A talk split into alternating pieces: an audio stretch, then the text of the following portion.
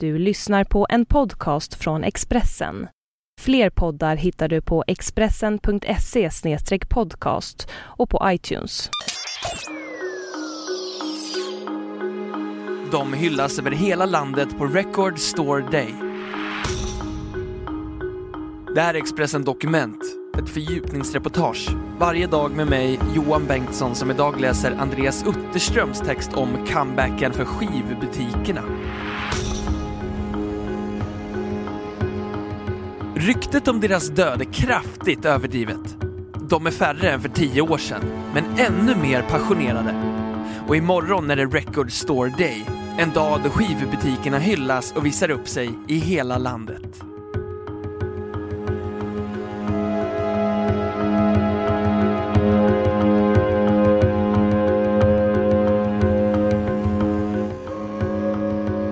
Tiden då musikintresserade ungdomar kopierade kassettband, spelade in radions topplista Tracks och åkte buss i timmar för att komma över en ny LP-skiva har aldrig känts mer avlägsen.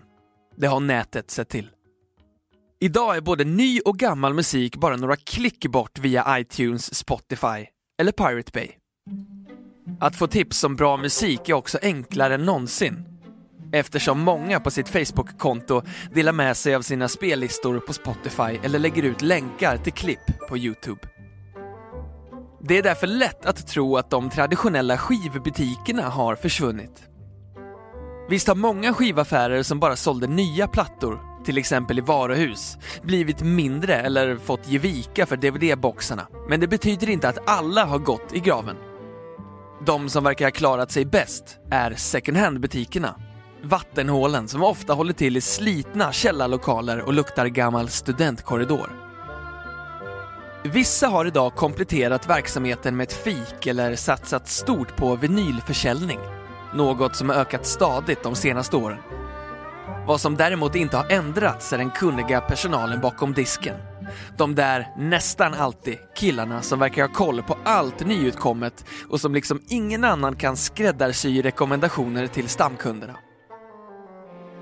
Jag brukar jämföra med delikatessbutiker som också brukar ha ett noga utvalt sortiment och väldigt kunnig personal, säger Magnus Carlsson som är kanske mest känd som sångaren i Weeping Willows, men som imorgon uppträder med Tandem Sky, duon som han har bildat tillsammans med Mikael Nordgren. De ingår i den laguppställning av svenska artister som är med och firar Record Store Day, där ett 40-tal butiker i hela landet deltar. Många av dem kommer att bjuda på livemusik, signeringar, specialutgåvor som är tillfälligt tillgängliga och nya plattor som artister valt att släppa just imorgon. Håkan Hellström, Peter Lemark och Olle Ljungström är tre artister som är med och hyllar skivbutikerna. Allt började 2008 när Metallica, ett band som tidigt drog lans mot den illegala nedladdningen, spelade live i en skivaffär i San Francisco för att ge sitt stöd till de entusiastiska skivhandlarna. År för år har Record Store Day växt och spridit sig och artister som Leonard Cohen, Bob Dylan, Tom Waits och Slayer har bidragit med specialutgåvor och spelningar. I år är det Jack White från White Stripes som är officiell ambassadör. Vi vill visa att vi finns och att folk fortfarande köper skivor. CD-försäljningen minskar, men de senaste åren har vinyl ökat hela tiden, säger Lars Ryen, som driver The Beat Goes On i Stockholm och är en av initiativtagarna till Record Store Day i Sverige.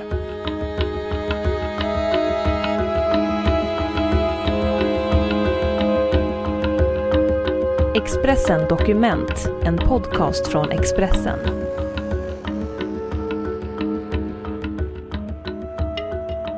Han började känna av den vikande skivförsäljningen 2002 och 2003 och hade sina sämsta år i mitten på 2000-talet.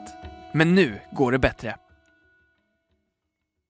Ett tag funderade jag faktiskt på att lägga ner butiken, men stamkunderna höll mig uppe. De sa, nej, du kan inte försvinna. Var ska jag då köpa mina skivor någonstans? Det gjorde att jag fortsatte under de tuffaste åren. Omsättningen når inte upp till samma nivå som för tio år sedan. Men det finns idag ett stort intresse för till exempel specialboxar och vinylsamlingar. En av dem som fortfarande köper mycket skivor, även om det mest blir CD nu för tiden, är gitarristen Janne Schaffer. Folk som bara köper musik på nätet är lite väl bekväma och lata. Själv älskar jag att gå i butiker, titta på layout och konvolut. Det ger en helt annan dimension än att bara lyssna i mobilen eller datorn, säger han. Han får medhåll av den svensk-samiska artisten Sofia Jannok som imorgon kommer att spela i Burmans musik i hemstaden Umeå. Det är skönt att det fortfarande finns en skivbutik här i stan där ägarna har full koll på allt de har och dit man kan gå bara för att snacka musik en stund. Till slut får man en djupare personlig relation. Jag brukar gå dit några gånger i veckan, säger hon. Sofia Janok ser också en annan fördel. Sverige kan vara så himla skitnödigt, men i skivbutikerna finns det fortfarande en plats för alla. Inte bara för de som ligger på topplistan eller är aktuella med något tv-program, säger hon. Även för skivbranschen fyller butikerna alltjämt en viktig funktion. Det finns fortfarande folk som vill köpa CD-skivor och vinyler. Det märks tydligt när artister som till exempel Håkan Hellström, Thomas Ledin eller Lars Winnerbäck släpper nytt material, säger Anel Hens Mortimer Hawkins, marknadschef på Universal Musics svenska avdelning. De klassiska skivbutikerna drar inte bara in pengar till skivbolag och artister genom sin försäljning, utan fungerar också som en mötesplats för musikintresserade. Vi har ett bra samarbete och har ofta signeringar med våra artister i butikerna, säger Anel. Vissa framställer musiktjänsterna på nätet som skivbutikernas motståndare. Det är ett resonemang som Lars Ryen på The Beat Goes On inte köper. De som bara lyssnar på musik i mobilen idag kanske ändå inte hade handlat skivor hos mig. Jag tillhör därför inte de som bannar Spotify. Skivbutiker och musiktjänster på nätet borde kunna existera sida vid sida, säger han. Artisten Magnus Carlsson arbetar mycket som DJ och driver dessutom egna klubbar. Därför är det ibland nödvändigt för honom att lyssna digitalt när han behöver komma över en låt snabbt. Men helst går han runt i Stockholms butiker och bläddrar bland vinylskivorna. Det har han gjort sedan mitten på 70-talet då han som femåring åkte in till stan tillsammans med sina föräldrar och köpte LP-skivor med Kiss. Med tiden lärde jag känna personalen på framförallt Pet Sounds, dit jag har gått sedan 80-talet. Länge var det tips från dem man var ute efter. Idag finns det så mycket information att behovet nästan blivit det omvända, att man behöver någon som kan hjälpa en att sovra, säger Magnus Karlsson. Han tillhör de stamkunder vars musikintresse är lika starkt idag som för 20 år sedan. Jag ser inte på mig själv som en artist, utan en skivnörd och ett musikfan som råkar sjunga, säger han. För Magnus Karlsson skulle livet bli avsevärt tråkigare om skivbutikerna försvann. Men risken är liten, lovar Lars Ryen. Han säger så här. Vi skivhandlare, vi är ett segt släkte.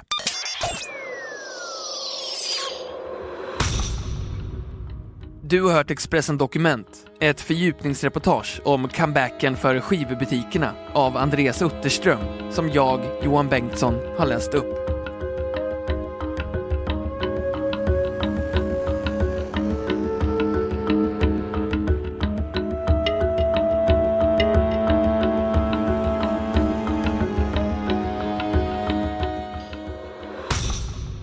Du har lyssnat på en podcast från Expressen.